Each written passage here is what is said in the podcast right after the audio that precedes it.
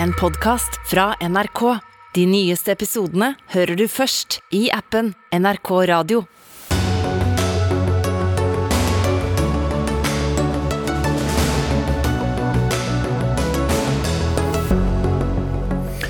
Et helvete. Det var det første statsminister Jonas Gahr Støre sa etter å ha sett lidelsene i Ukraina på nært hold da han besøkte landet for første gang etter krigens utbrudd. Prishopp på matvarer fra i dag av. Norske familier må betale mange tusen mer i året for maten. Fra de høye topper til de dype daler. Senterpartiet er, har en oppslutning på under 5% på ny måling i dag. Og ny barnebok om Jesus får kritikk. Både Jesu budskap og Bibelens verdensbilde latterliggjøres, mener bibelforsker. Dette er eh, Dagsnytt 18 på julis eh, første dag, der vi også skal høre et rop om EU-medlemskap fra Nord-Norge, og et rop om skotsk løsrivelse fra Storbritannia. Jeg heter Espen Aas. For eh, noen timer siden ankom Norges statsminister Kyiv i Ukraina. For første gang altså siden krigen brøt ut. Støre har besøkt hardt rammede områder og lover betydelig støtte til ukrainerne, bl.a. i form av 10 milliarder kroner. Reporter Anders Tvegård, du har fulgt statsministeren på besøket i dag. Hvilke inntrykk festet seg hos ham? Det, har, det, er en sterkt preget statsminister som er her i Ukraina og har vært i Tsjernihiv-regionen og sett ødeleggelsene der, hvor de russiske styrkene okkuperte i ukevis. Blant annet så var han i en skole der sivile ble holdt fanget i en kjeller. Skolen var kommandosenter for russerne. og de lokale hevder at de ble brukt som menneskelige skjold der. Dette her, det var 300, over 320 mennesker som var holdt fanget der i over en måned. Vi kan jo høre hvordan Støre selv ordla seg etter å ha vært med ned i kjelleren sammen med noen av dem som var der. Dette er jo et helvete, egentlig. Den kjelleren er jo, et, er jo en svinesti hvor opp mot 30 mennesker fra opp i 90-årene til nyfødte babyer er holdt i fangenskap dag etter dag. Døde mennesker. Lite mat, lite vann og inhuman behandling. Så det er jo krigens grusomme fjes. Det er hjerteskjærende, rett og slett.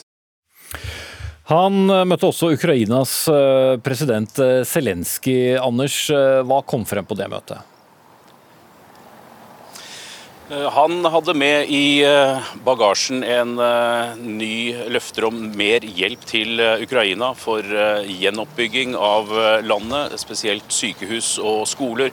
Også mer militærhjelp og i kampen da mot, eller i, i, på Ukrainas side i krigen. En pakke som har en verdi på 1 milliard euro. Det er over 10 milliarder norske kroner. Stortinget må være med på å vedta den pakken, men dette her skal da være friske, nye penger. President Zelenskyj han kalte Norge en ekte venn. Han kaller det også en kraftfull støtte.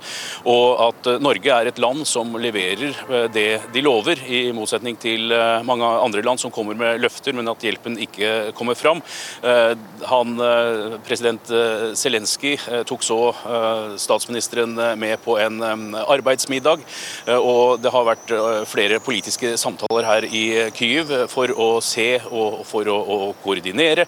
Og, og, det gir jo et helt annet bilde av konflikten når man ikke bare ser det gjennom TV-skjermen, men kommer hit og, og kjenner luktene, tar og får, får sett ødeleggelsene på nært hold og møter dem som er rammet. Og her i hovedstaden Kyiv så er det jo også utstilt flere russiske militærkjøretøy som er ødelagt. Det er fortsatt en beleiret by med høy sikkerhet. Takk skal du ha, Anders Tvegård, med oss direkte fra Kyiv i Ukraina. Støres besøk ble kjent for bare noen timer siden. Utenriksredaktør her i NRK, Sigurd Falkenberg Mikkelsen. Hva kommer ut av dette besøket, utover da lovnaden om penger? Jeg tror vi skal huske på at uh, storpolitikk uh, også er uh, personlig. det er viktig at statslederne får sett på nært hold hva dette dreier seg om. Se at det ikke er abstrakte størrelser, men konkret krigslidelse. Og Det vil jo gjøre det muligens i hvert fall lettere å, ta beslutninger når de kommer hjem. Det er i hvert fall fra ukrainsk side et tydelig mål. Og vi har sett det. Det er mye av grunnen til at disse besøkene kommer. Støre er jo på ingen måte førstemann, men han kommer på et ganske spesielt eh, tidspunkt. Rett etter eh, dette eh, utrolig viktige Nato-toppmøtet i Madrid. Jeg skal ikke utelukke at han hadde med seg noen beskjeder derfra til Zelenskyj. Og det kommer også på et tidspunkt hvor Russland har utvidet krigen og begynt å bombe sivile mål. Mm. Ser vi også en litt annen tone? Vi har jo opplevd en Zelenskyj som flere ganger har takket, men påpekt at eh, dette ikke er nok. Ja, Han har kanskje vært litt mer offensiv i de TV-talene uh, han har holdt. Og så er det kanskje uh, dette blir spekulasjoner fra min side, men eh, der han har holdt taler på avstand inn eh, fra en bunkers beleiret. Nå er han på en måte litt mer en statsmann og kan veie litt mer for og imot. Og så er det også noe annet å ta dem, disse statslederne imot eh, personlig. Så det gir, de gir på en måte en helt annen dynamikk til politikken. Mm. Vi hørte jo Støre beskrive noen av sine inntrykk i intervjuet med vår kollega Anders Tvegård, for de sivile lidelsene er og blir store. I natt traff tre nye raketter eh, havnebyen Odessa. 19 eh, mennesker skal være drept, ifølge ukrainske myndigheter. og Det er det andre angrepet denne uken som har tatt livet av ukrainske sivile, som er bekreftet. og Sigrid Resse Johansen, generaladvokat og tidligere også jobbet som førsteamanuensis i folkerett. Eh, hva tjener russerne på å angripe sivile på denne måten? Akkurat hva russerne tjener på, må de svare på selv. Men historisk så har det jo vært en sånn ukuelig tro på luftmaktens fortreffelighet eh, også blant stater, også blant våre egne allierte. Og, og, det er jo sånn at Bomber eh, sluppet fra fly de er egnet til å ødelegge og treffe mål, også bak fiendens linjer, noe som ikke var mulig før flymakt. Eh, og det har vært men I tillegg til det så har det altså vært en sånn ukuelig tro på at luftmakten oppnår mer enn å ødelegge bombemål. Altså At den kan gjøre noe psykologisk, nemlig å endre sivilbefolkningens kampånd. altså deres liksom moral, kampmoral. Og Under den andre verdenskrig så mente jo også de allierte da, at angrep mot tyske byer, altså ren sivilbefolkning, var egnet til å få sivilbefolkningen til å rette seg mot sin egen despot, altså mot Hitler, og liksom presse sine egne myndigheter til å få slutt på krigen. Og Hvis man aksepterer det resonnementet, eh, at angrep på sivilbefolkningens kampmoral virker, så kan man jo også si at angrepene er militært nødvendige, og at de er lovlige. Og akkurat dette argumentet her, det er jo blitt knesatt som forbudt i etterkrigstiden. Så fra 1977 så er jo angrep som fremstår som terrorangrep, eh, de er forbudt. Mm. Det er jo uansett en utmattende situasjon, Fakkenberg Mikkelsen. Men ser vi noe endring i eh, oppslutningen i Ukraina? Vi får, i hvert fall sett et land som er hardt prøvet, og som har gått gjennom forskjellige faser. og det Eh, kan kanskje være vanskelig å, å, få med seg alle de nyansene når man ser på det utenfra, men det er jo et land som går fra en sjokktilstand uh, i, uh, like etter invasjonen uh, til kanskje perioder med, med, mer optimisme hvor de klarte å drive Russland ut. Og så ser vi nå en, en, mer, en, krig som foregår kanskje litt mer på russiske premisser, hvor de, de har en forse i den der sakte malingen og, og bombingen av også sivile områder, særlig øst i landet. Eh, men samtidig så foregår det jo også en, en styrkeoppbygging. og Vi ser jo også at eh, etter Nato-toppmøtet og Støres besøk det er nok, nok, et eksempel på det, at det er et ønske fra Vesten om å gi eh, støtte. Men jeg tror nok at både vestlige ledere og også Ukraina er nødt til å forberede seg på at dette kommer til å ta lang tid, og at de må forberede egen opinion, verdensopinionen, på at dette, dette kan bli en lang og krevende konflikt. Og De må, må jo også se Støres besøk i lys av dette. Og så tenker jeg også at Støres besøk er interessant Eh, sett i lys av eh, Norges forhold til Russland. For vi har jo vært noe mer tilbakeholdne enn andre Nato-land, med den begrunnelsen at vi har et komplekst naboforhold til Russland, særlig i nord. Og vi har sett tendenser til at dette strammer seg litt til de siste dagene, bl.a. med Svalbard-spørsmålet og disse hackerangrepene. Du ser et slags taktskifte? Det er i hvert fall, hvert fall tendenser, tendenser, til det. Og også da med at Sverige og Finland er blitt Nato-medlemmer. Så vi er på en måte i en ny situasjon. Og så skal man nødig spekulere for mye, men man kan i hvert fall ikke utelukke at det er en sammenheng mellom disse russiske utspillene om Svalbard og hackerangrepene og dette besøket som nå kom i Ukraina. Og det er, det er i hvert fall en mulighet for Russland å vise også hvor Norge er sårbar. Mm.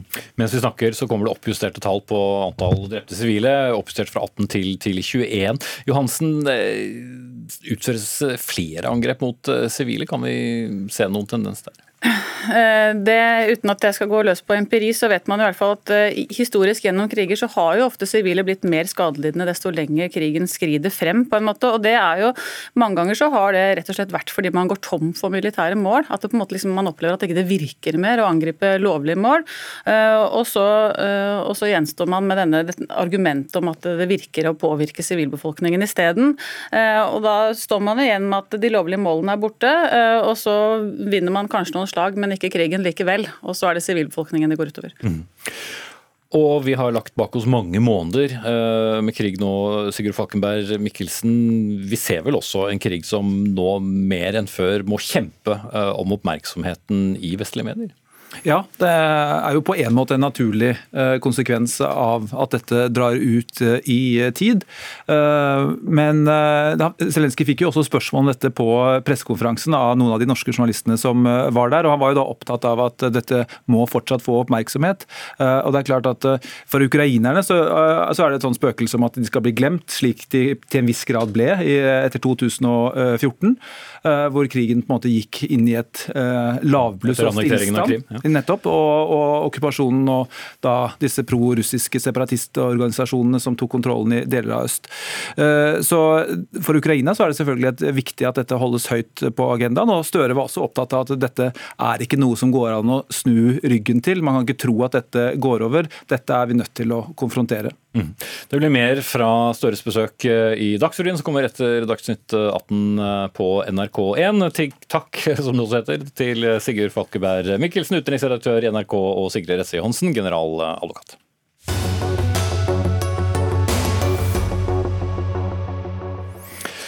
Dersom du foretok helgehandelen i dag, merket du kanskje at sluttsummen på kassalappen var større enn den pleier matvareprisene de øker. F.eks.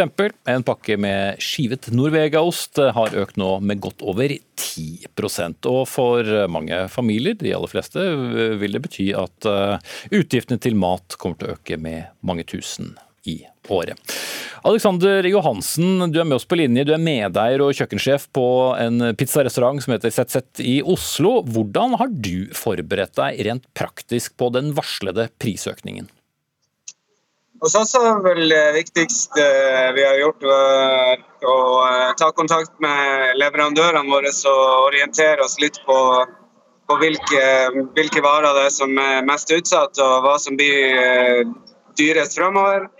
Fylte opp alle lagerhyllene som finnes eh, tilgjengelig for oss, og prøvd å legge opp sånn at vi kan selge billige varer lengst mulig hvis det gir mening. Mm.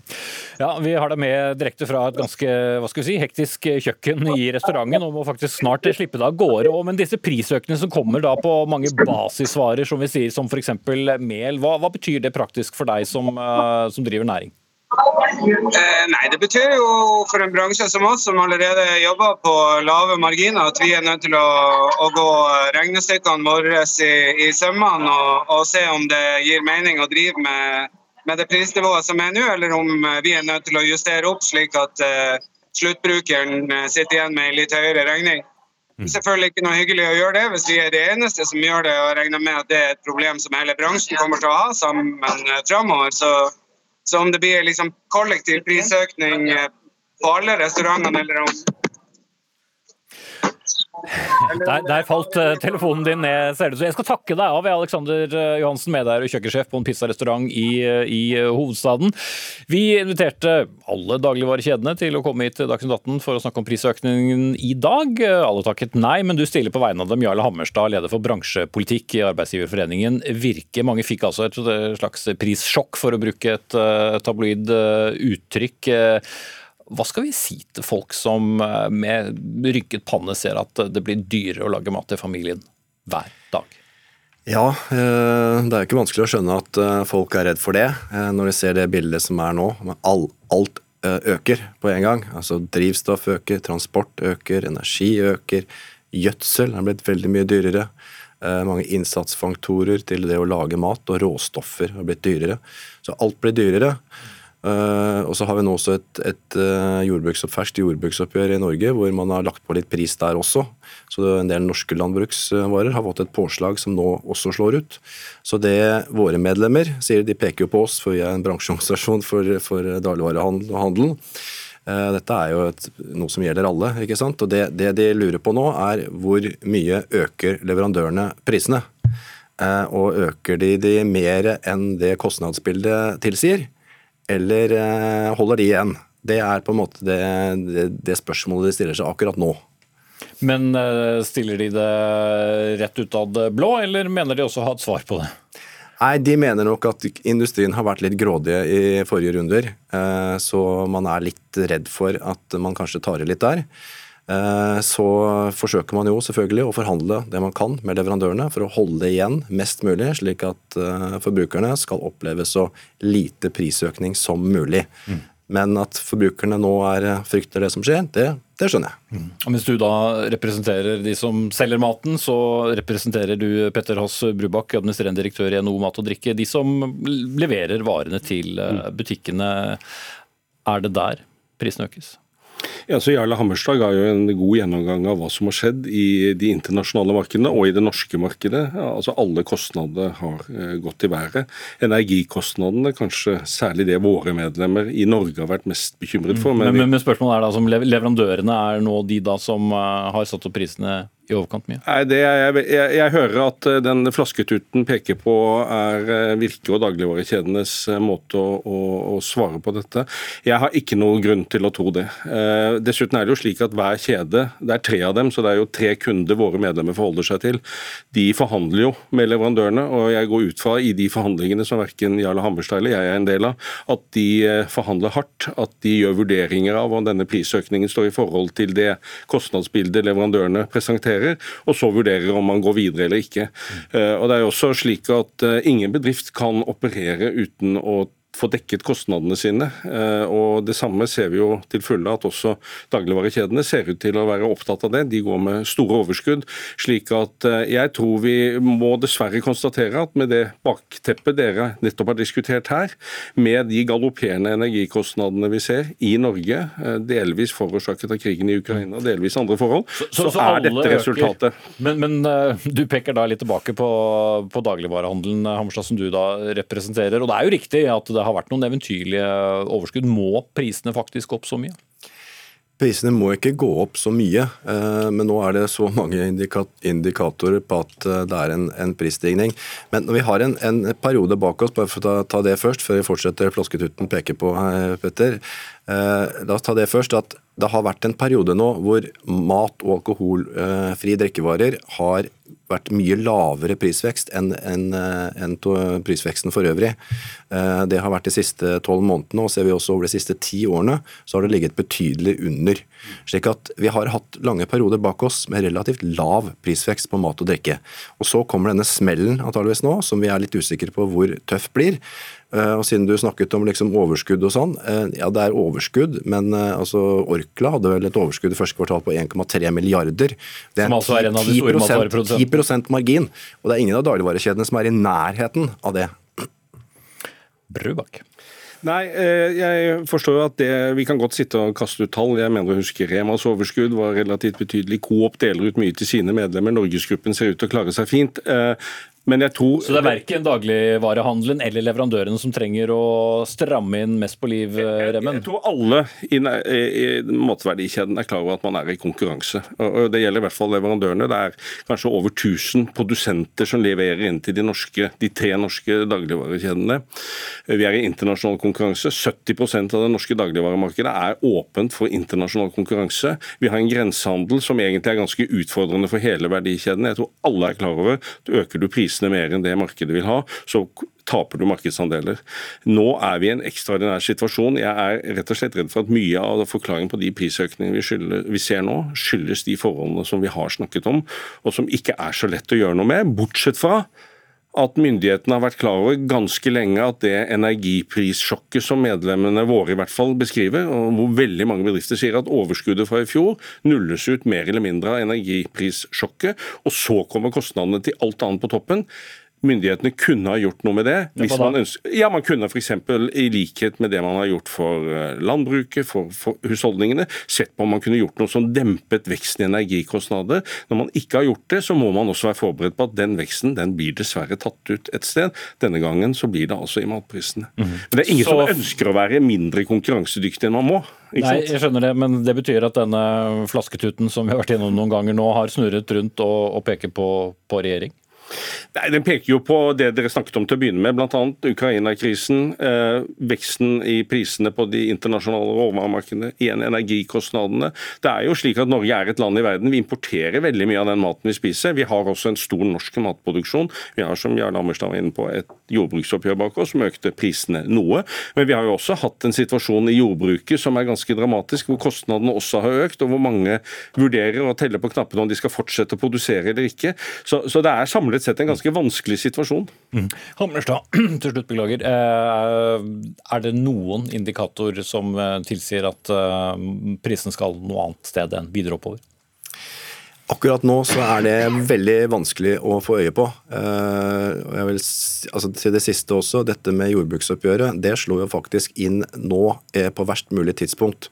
Og, og siden det skal noen politikere inn etter oss her, så, så vil jeg jo ta med det at man sender 2,4 milliarder i, i, målprisøkninger rett til forbrukerne gjennom det, gjennom det jordbruksoppgjøret, bl.a. en heftig økning på korn.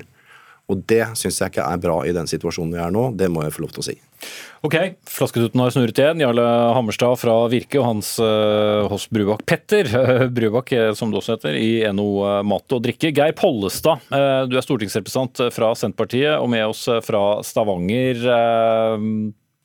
Flasketuten peker på deg og regjeringen og bl.a. jordbruksoppgjør og manglende strømstøtte til næringslivet. Vil du svare det ut? Altså jeg må si jeg er litt eh, sjokkert over den ansvarsforskrivelsen som nettopp har hørt ifra, særlig fra kjedene, som altså tjener milliardbeløp hvert år. De er tre kjeder som deler det norske markedet. Eh, og så velger en å trekke fram jordbruksoppgjøret her. Eh, når realiteten er Men er det feil? At, jo, det er egentlig helt feil. fordi at realiteten er jo at jordbruksoppgjøret dekker jo inn mange av de kostnadene som jordbruket har hatt med å produsere maten. Sånn at prisøkningen i Norge vil bli betydelig eh, mindre enn i mange eh, andre land som ikke har et tilsvarende system. Så den norske modellen gjør at eh, en gjennom jordbruksoppgjøret dekker inn mange av de kostnadene som ligger til grunn. Så mener jeg at vi skal jo erkjenne at vi er i en matvarekrise. Da må vi sikre at vi har en nasjonal matproduksjon. Eh, og så er det en annen oppgave, og det er å sikre at vi har skikkelig konkurranse mellom de tre kjedene våre. Det har vi dessverre ikke. og Derfor må det mye politikk til, og mye hardere grep rundt eh, kjedene eh, for å sikre at både de som produserer maten, får bedre betalt, og at de som kjøper maten, ikke betaler mer. Men du avviser at jordbruksoppgjøret har vært med på å drive opp prisen på enkelte matvarer? En har økt målprisene, sånn at, og det betyr at bonden får noe mer betalt for den eh, eh, maten som han eh, produserer. Eh, og Det gjør at prisene går noe opp. Mm. Samtidig så er det sånn at dette var et jordbruksoppgjør på 10,9 milliarder kroner. Veldig mye var direkte støtte til jordbruket for å dekke økte kostnader knytta til energi, gjødsel eh, osv. Og dermed så bidrar han til å holde prisene nede. Så det å det er iallfall helt feil å legge skylda på jordbruksoppgjøret jordbruksoppgjøret, den norske jordbruksmodellen, for at prisene nå okay. går eh, kraftig opp. Den må en rett og slett eh, ta på noen andre. Ja, vi skal ta en, en, politisk debatt, og selv om jeg ser to herrer som sikkert gjerne ville svart ut det også, så har vi en annen stortingsrepresentant her i studio, Marie Sneve Martinussen fra Rødt hvor du er nestleder. Dere kritiserer regjeringen for ikke å gjøre mer, men hva skulle de ha gjort? Det er jo ikke bare regjeringen som eh, setter opp prisene, for å si det sånn. Nei, ikke i det hele tatt. Og hvis vi fortsetter Flasketuten peker på, på, hvem som har skylda, eller hvor fortjenesten fra høye matvarepriser forsvinner, så er jo tallenes tale veldig tydelige. Blant de rikeste i Norge så det er tre herremenn, Stein Erik Hagen, Johan Johansen og Odd Reitan med familie, som til sammen dominerer både dem som eh, har butikkene, og også da Orkla, som eh, Hagen eier, som produserer mye av maten i Norge. De er da blant de rikeste i Norge. De er ikke bare vanvittig rike, de har også blitt mye rikere gjennom korona. Og i fjor så hadde selskapene som de eh, kontrollerer, overskudd på hver av dem i størrelsesorden 3 milliarder kroner. Okay, og der men... mener jeg at der kunne regjeringa gjort noe. Sant? Fordi at det er det som poenget. De går med vanvittig overskudd, men det som også er problemet nå, er at siden Stoltenberg var statsminister statsminister i Norge, så har skatten man betaler på overskudd i selskap blitt kutta fra 28 til 22% Så de her store selskapene de betaler mindre i skatt på overskuddet sitt enn de gjorde før. Det mener Rødt at man kunne snudd om på, og da kunne man brukt de pengene til å løse den andre sida av problemet. fordi høye priser er jo ikke så stort problem hvis man også får høyere inntekter. Problemet er at folk som at barnetrygden blir mindre verd, minstepensjonister, uføre, får ikke nok til å få men, men for å henge med i det lange resonnementet ditt ja. her nå, skulle man da altså så det du sier man skulle skattelagt ja. hardere de som eh, driver matvarekjedene, produserer maten, og så skulle de pengene gå tilbake til barnetrygd? Det, for eksempel, det som er poenget er at Virk, både Virka nå eh, representerer mange forskjellige. Noen er store, noen er små. Sant? Så det er ikke alle eh, medlemmene i de to bedriftene som har vanvittig overskudd. Men noen har det. og Det er derfor skatten på overskudd er så genial. For da kan man sørge for at de selskapene som går så det griner, og gjennom korona så har vi jo alle sammen måtte valgt Grandiosa på butikken i stedet for pizzabakeren da, på hjørnet. I hvert fall hvis vi har lyst til å sette oss ned og drikke en øl samtidig. Og Det har jo vært en vanvittig konkurransefortrinn for hele dagligvarebransjen, som de har tjent store penger på. De har større overskudd nå enn tidligere. Okay. Jeg mener at de måtte skattlagt det. Økt barnetrygden, så kunne du kjøpt enda mer Grandiosa til ungene dine, selv om det ikke er så sunt.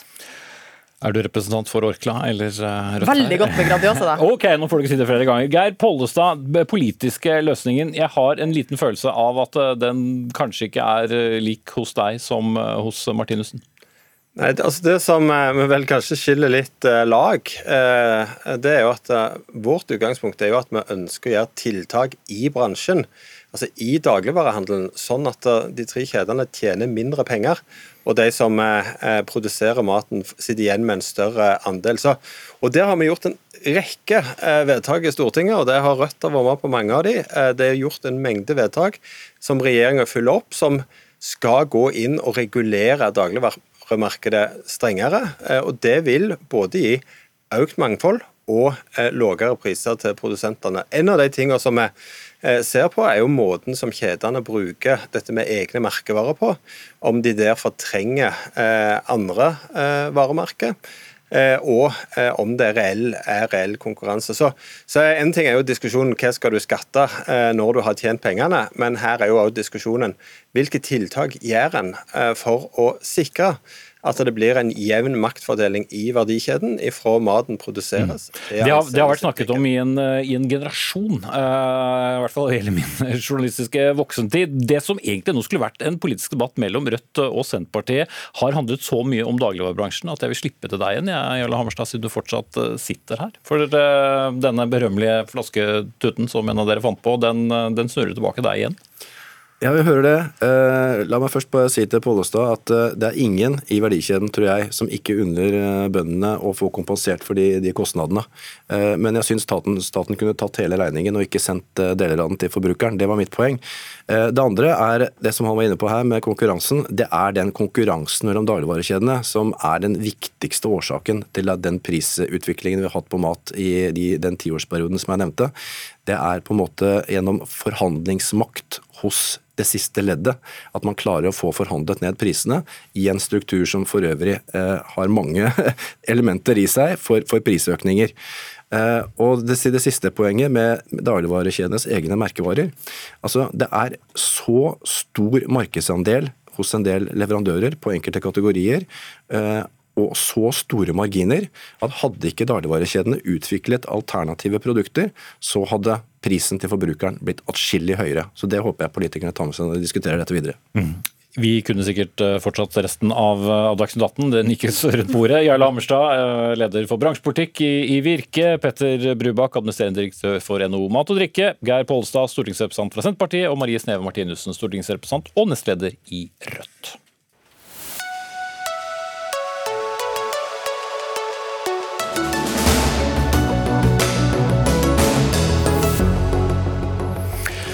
Så skal vi høre at eh, Nord-Norge er eh, den landsdelen som eh, taper mest på at Norge ikke er medlem i EU. Den som skriver og slår dette fast, er deg, Skjalg Fjellheim, politisk redaktør i avisa Nordlys i Tromsø. For i lys av at Sverige og Finland nå blir med i Nato, har du etterlyst en ny norsk EU-debatt. Men som du skriver, en slik debatt den må skje på Nord-Norges premisser. Og hva slags premisser er det, for dere kan jo ikke bli EU-medlemmer alene i så fall?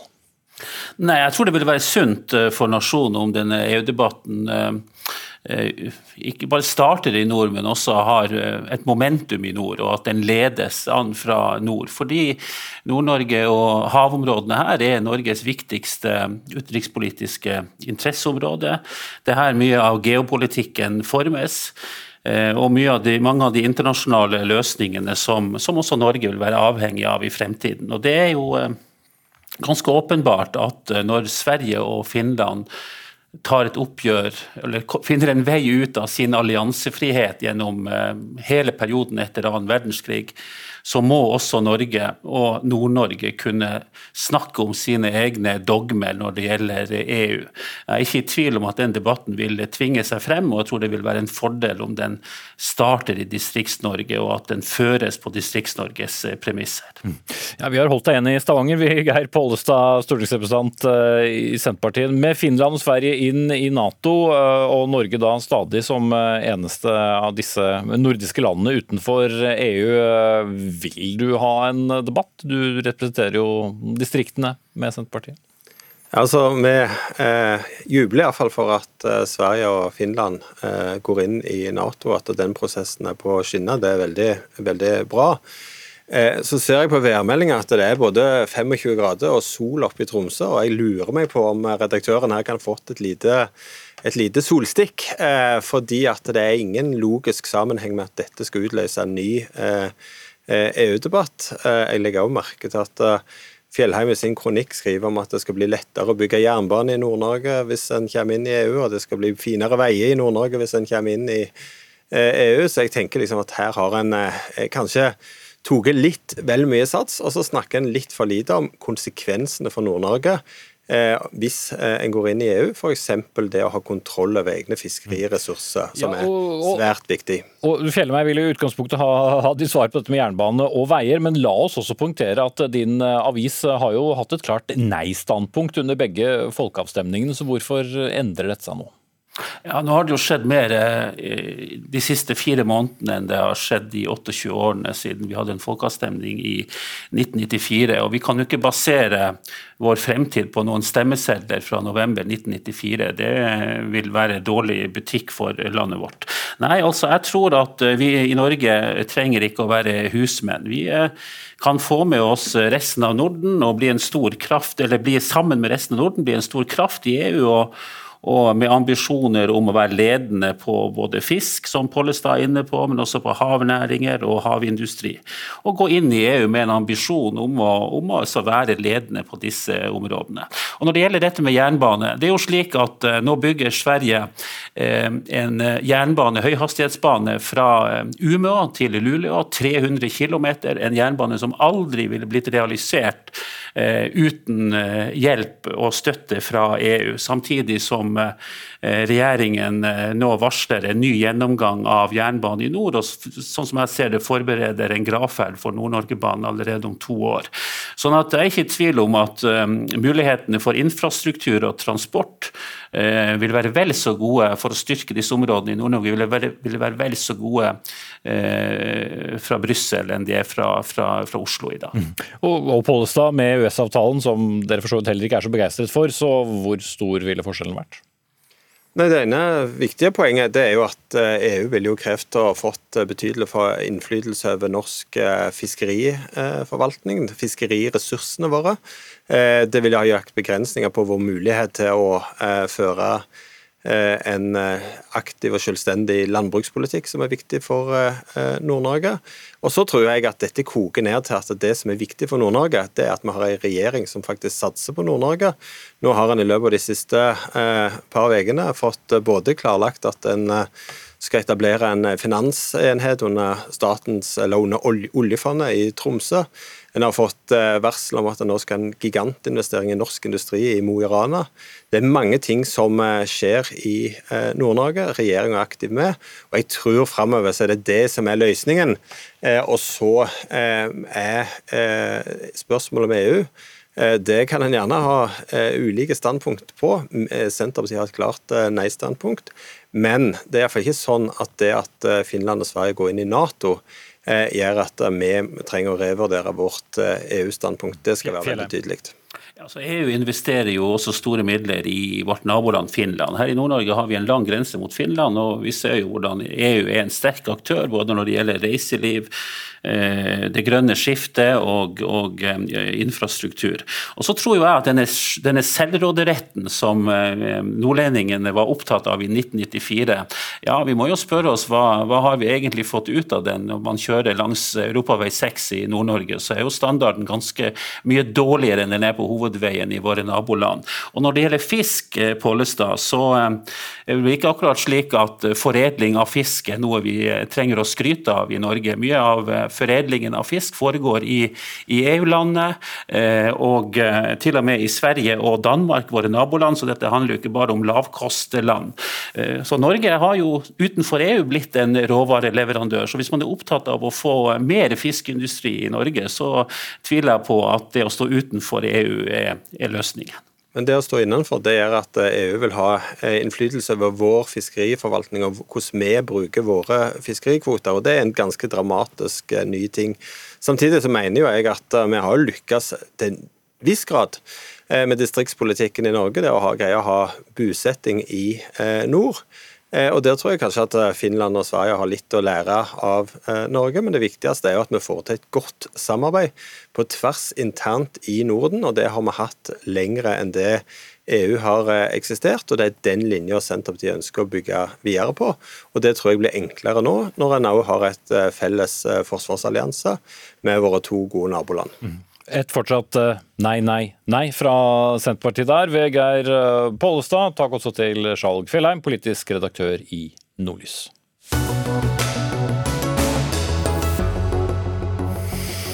Og Geir Polstad blir med videre som et slags eh, politikkens kinderegg i denne sendingen. Alt eh, som går opp vil komme ned, heter det seg jo, og nettopp det har jo Senterpartiet virkelig kjent på hva partioppslutning eh, angår det siste året. På en måling som Ipsos har utført for Dagbladet, får Senterpartiet 4,7% oppslutning. For et år siden viste målingen fra samme byrå 19,3 vi kan jo ta de vanlige frasene med en gang. Det er valg som er det avgjørende. Målinger er målinger, og det går opp og det går ned. Så vi kan jo rykke frem til det jeg da lurer på. Geir Pollestad, stadig med oss fra eh, Stavanger. Her ble dere altså landets sjette største parti. Hva har dere gjort som eh, gjorde dere fortjente det? Nei, dette, det er jo en trenger ikke ta frasene engang, en må bare slå fast at dette er for dårlig. Dette er ikke et nivå som vi ønsker å være på. Dette eh, tar vi til oss. Eh, og så er det sånn at det har vært en krevende periode å sitte i regjering. Mange kriser å håndtere. Samtidig så opplever en jo at en får politiske gjennomslag. Og det, I dag er det markering mange plasser at nå er det gratis ferje, som har vært en viktig sak. Men så er det nok mange ting som blir skygget over av det som er høye drivstoffpriser, f.eks. Og òg usikkerheten som er knytta til, til strømforsyning. Så det er mange ting som virker inn. og det der har vi en jobb å gjøre, men det er jo sånn at vi har is i magen og vi har et langsiktig perspektiv. Og de politiske målene som vi gikk inn i regjering for å ordne opp i, de ligger fortsatt fast. Det gjør også neste års eh, lokalvalg, bare for å minne om det. Men hvis vi skal gå i en slags eh, selvreflekterende fase her, eh, Pollestad lovet dere litt for mye litt for raskt da det var valgkamp og dere snuste på 20-tallet? Jeg vil, ikke, jeg vil, ikke, si det, for jeg mener jo egentlig ikke at vi, vi, lovte, altså vi lovte viktige ting. Vi lovte at vi skulle løse opp eh, Viken, og vi skal løse opp Finnmark og Troms, og det har vi levert på. Vi lovte gratis Ferjedalen, vi leverte på. Vi lovte gode jordbruksoppgjør, det har vi levert på. Eh, vi lovte reduserte avgifter, eh, det har vi òg eh, levert på. men men det er jo eh, problemet at når vi overtok etter Solberg, satte ned avgifter på drivstoff sammenlignet med med hva de eh, hadde foreslått, eh, så opplever en jo etterpå at markedsprisen skyter i været med ti kroner. Og da er det klart, da blir noen tiåringer i kutt. Eh, det blir kanskje litt eh, smått. og det er jo den diskusjonen vi står midt oppi. Mm. Da skal vi takke deg av eh, Geir Pålestad fra Stavanger. Bernt Årdal, professor emeritus ved Institutt for statsvitenskap ved Universitetet i Oslo. Du har fulgt eh, valg og partier lenger enn de fleste av oss. Eh, hvor dramatisk fall er det vi ser for Senterpartiet? Du har sett på gjennomsnittet av målingene, som er vel så viktig som enkeltmålinger. Ja, jo, altså Denne målingen på 4,7 virker jo veldig dramatisk. Nå er det andre målinger i juni som har det mye høyere på 9-tallet, så 7,1 er snittet denne måneden. Men vi skal egentlig en fem-seks år tilbake i tid for å finne et så lavt snitt også. Eh, men det er klart sammenligningspunktet her blir jo ikke bare valgresultatet, men det blir også det som var nivået som du nevnte eh, sånn et halvannet år siden, hvor de lå jevnt med Arbeiderpartiet på over 20% Og så er det en veldig dramatisk eh, fall på la oss si i hvert fall to tredjedeler av velgerne er borte. Og Når vi da ser litt på bakgrunnsmaterialet for de nyeste målingene, så ser vi at det er en bekymring som bør være veldig eh, sentralt for Senterpartiet nå. og det er at de, de mister grepet på sine gamle velgere. Altså Noen av de setter seg på gjerdet, men, men, veldig mange av de går tilbake til, til, de partiene de tok dem fra ved valget. Både til Høyre og til Fremskrittspartiet, delvis til Arbeiderpartiet, også til hjemmesitterne. Så det, de sitter igjen med bare noen og 40% lojale velgere. Det er veldig lavt. Eh, det er liksom, liksom på linje linje med det Venstre har, har, pleid å ha, og nå er de faktisk enda svakere enn Venstre. Mm. Så veldig illojale velgere rett og slett i, i, Senterpartiet. Altså de, etter ni måneder i, i regjering så har Ja, men Da må vi også ta, ta, med i betraktning at eh, partiet gjorde jo et veldig bra valg. Og de fikk en god tilstrømning av velgere, selv om de mistet en del av dem på slutten. Så var jo dette et av de bedre valgene for, for Senterpartiet. Vi så også det at de hentet velgere fra bl.a. fra høyresiden og fra, fra Arbeiderpartiet, og mobiliserte hjemmesittere. Så, så, det må jo på en måte være litt referansepunktet. For hvis vi virkelig tar det lange perspektivet, så ligger jo ikke Senterpartiet nå i snitt så veldig langt unna det som er snittet for de siste 30 årene, altså 7-8 prosentpoeng. Så, så, fallet i seg selv er mer dramatisk enn den oppslutningen de ligger på? Ja, og den, den, det fallet har skjedd veldig raskt, og antagelig raskere enn det vi har sett i noe tidligere parti og valg. Eh, men det ligner veldig mye på det vi så etter eh, det store valget deres i 1993. Så hvis vi liksom ser, ser Forut for EU-avstemningen? For, året før EU-avstemningen. Da ser vi liksom at de har hatt en sånn veldig sånn høydetopp da, og så falt de ikke riktig så raskt, men de falt også ned til et mye lavere nivå. Og Nå har de også en, en sånn topp, mens, mens, fallet er mye sterkere. Og Det peker i retning av noe som er, hvis jeg får lov å blande inn statsvitenskapen her, så det som ligger litt bak Senterpartiets framgang, var jo en del misnøye koblet til da distriktspolitikk og distriktenes interesser. Og Det er noe som vi kaller da, som er koblet til en sentrum-periferi-konflikt eller akse. Det som er det spesielle med den aksen, er at den skjærer igjennom alle andre stridsspørsmål og alle andre akser. Og det gjør at du får et potensial for å samle velgere både fra venstre og høyre. Så lenge den sentrum-periferiaksene er liksom i folks minne. Og når det forsvinner, så sprer de seg. Og det er klart at det også da mobilisere den type misnøye når du sitter i opposisjon, er noe helt annet mye lettere enn når du sitter i posisjon. Og, må som, det. Ja, og som Pollestad var inne på, da får du jo på en måte ansvaret og skylden for omtrent alt det som er galt. Men hvis vi ser da på partifordelingen nå, så ser vi et Arbeiderparti som har stabilisert seg på et uh, historisk veldig lavt uh, nivå nivå, og et Høyre som bare har blitt liggende ganske mm. høyt. Ja, de begynner å klatre. De har et snitt nå på 27% som er, er veldig bra for dem. Eh, og igjen så går vi litt tilbake i tid, til, til foran valget i 2013, da Solberg-regjeringen overtok. Så ser vi også at, at, det var en sånn bølge, eh, faktisk over 30% bare noen få måneder før, før valget. Og, og, Det er liksom noe som element her at så lenge Høyre liksom ligger litt sånn sitter stille i båten, ikke gjør så veldig mye dramatisk, men på en måte samler en del kanskje litt sånn velgere som har vært litt på vandring andre steder, så, så ser det ut som at de, det er de som profitterer på, på, de problemene som for så vidt begge regjeringspartiene har. Mm. Vi får se hvordan det utvikler seg neste året og fram mot uh, lokalvalget. Takk skal du ha, Bernt uh, Årdal, professor emeritus ved Institutt for statsvitenskap ved Universitetet i Oslo.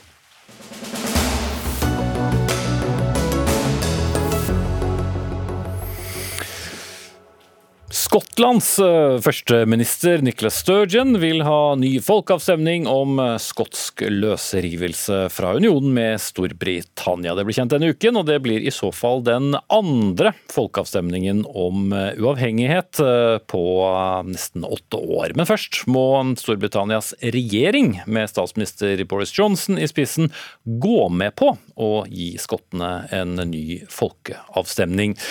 Og hvor eh, sannsynlig er det? Alistair Allen, du er eh, parlamentariker for det skotske nasjonalpartiet SNP i, i Skottland, men, men, snakker eh, norsk. Tror du Boris Johnson vil gi dere dette? Hei, takk for sist. Takk. Har dere, har dere tiltro til, til, at Boris Johnson vil høre på ønsket fra ditt, ditt parti? Well, det er ikke bare fra partiet mitt. I 2021 valgte Skottland eh, et, parlament som har et eh, flertall eh, som støtter ikke bare selvstendighet, men rett til folk i Skottland til å være det i en folkeavstemning. Så jeg tror at det skal, kommer til å være en folkeavstemning neste år. Og at Boris Johnson har ingen veto om saken. Mm.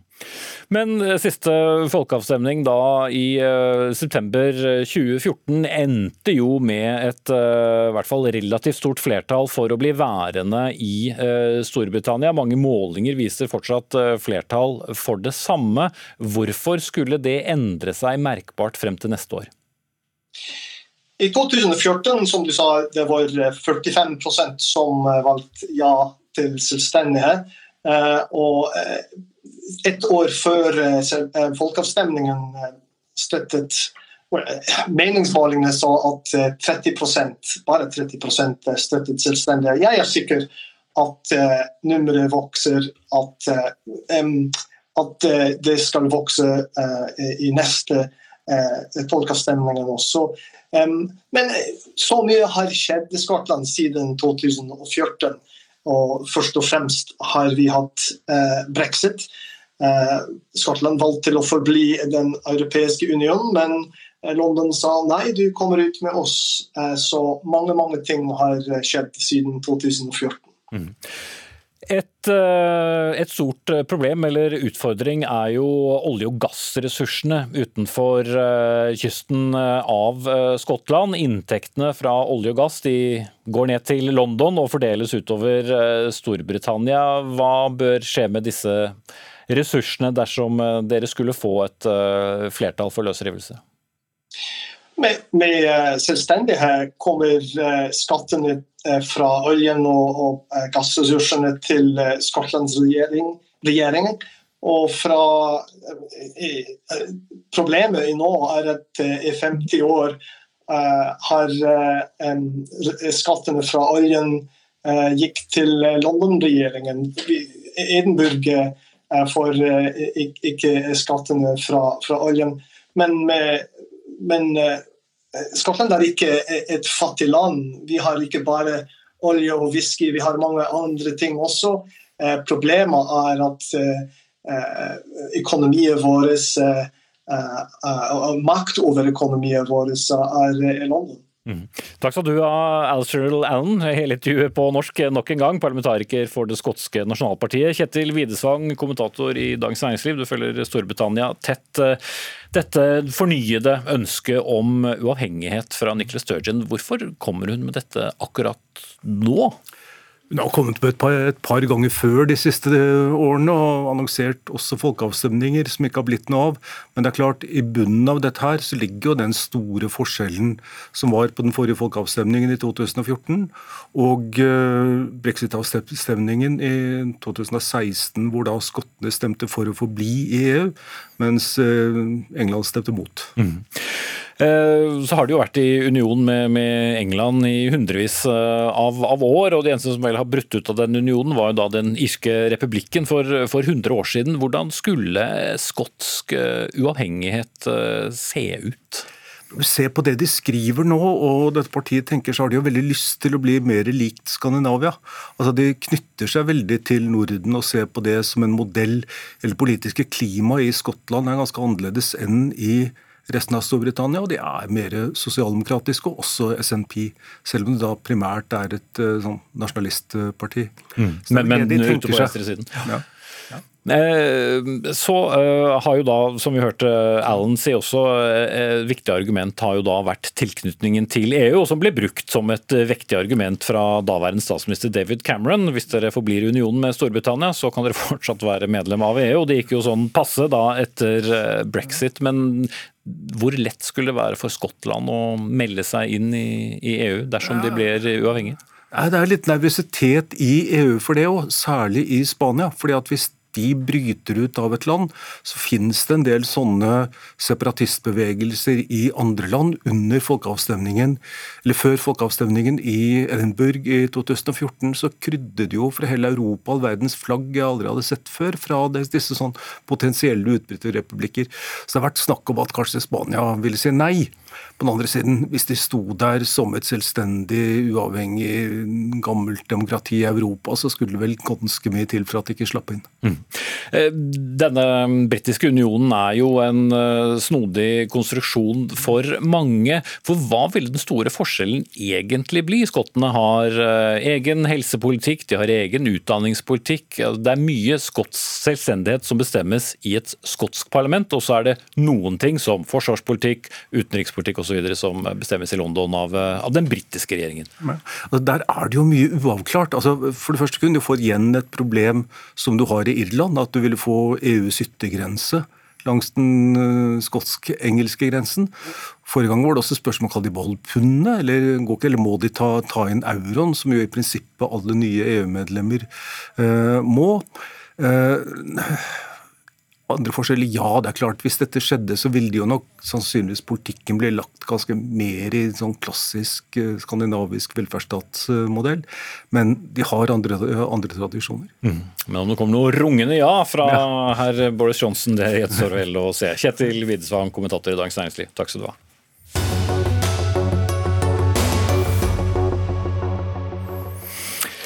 Jesus på 1, 2, 3. Ja, det heter en ny bok forfattet av Cecilie Winger. En lettlest bok som skal introdusere barn i alderen 7 til 11 år for nettopp Jesus og bibelhistorien. Men um, alle er ikke like begeistret for denne tilnærmingen, for Jesus' budskap det latterliggjøres, sier du til avisen Vårt Land, Gunnar Haaland, bibelforsker og førsteamanuensis i religion, livssyn og etikk ved Oslo MET. Hva er det du reagerer mest på i denne boken? La meg først si at det er egentlig en bok som jeg heier på. Eh, det er gøy at Norges største forlag gir ut en faktabok om Jesus. Det er gøy at det kommer litteratur om Jesus som ikke bare er på de kristne forlagene.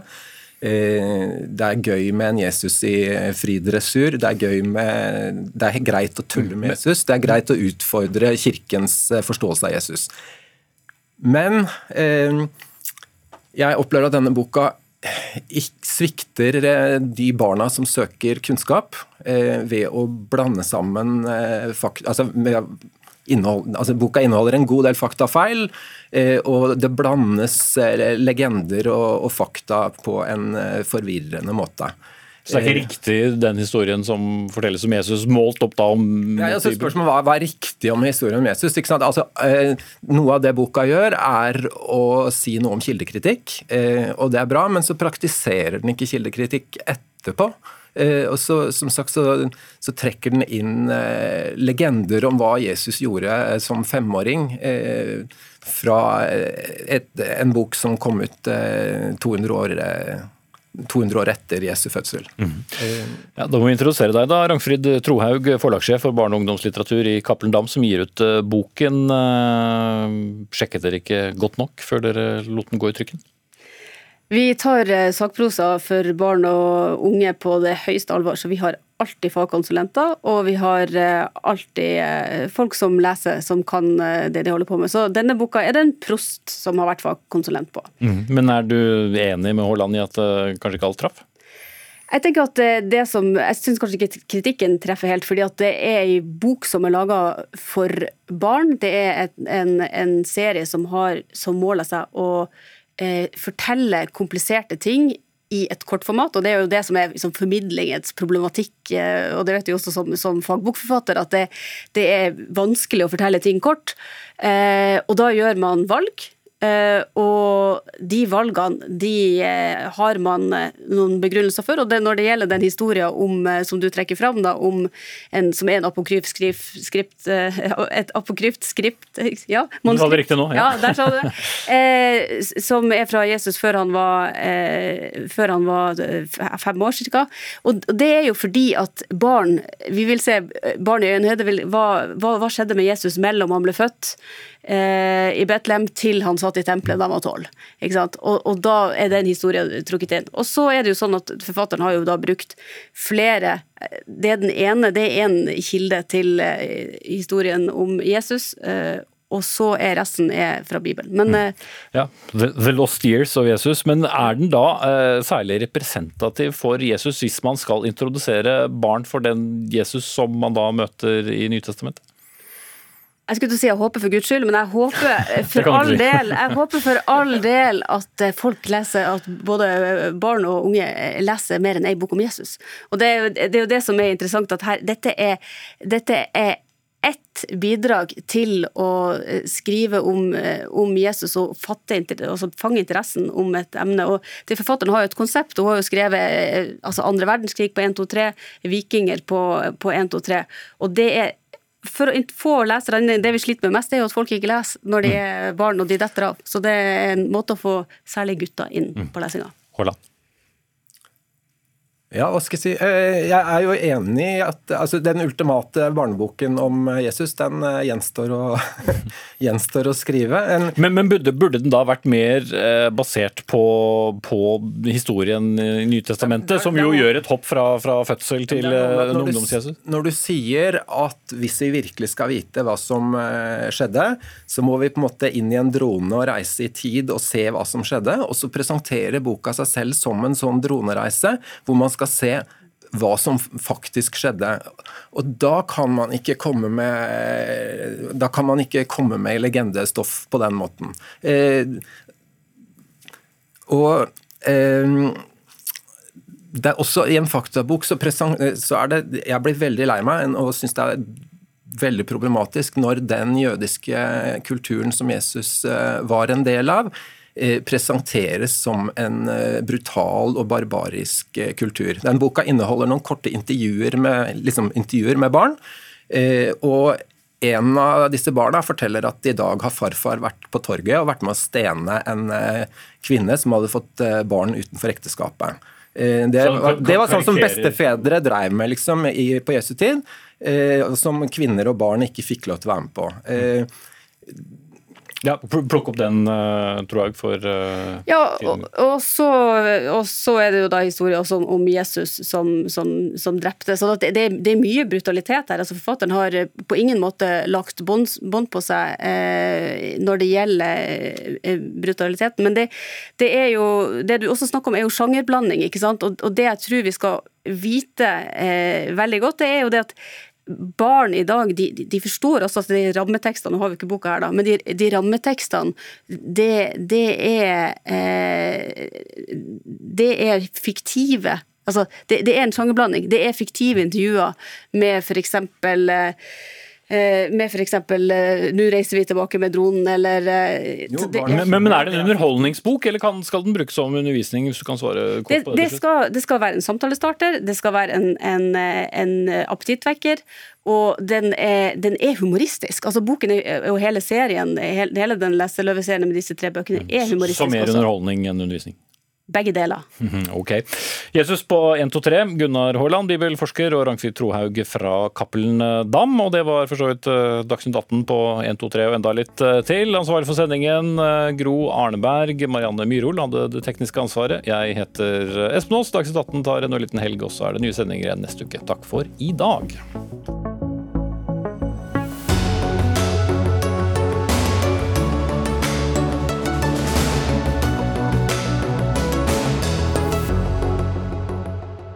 En podkast fra NRK.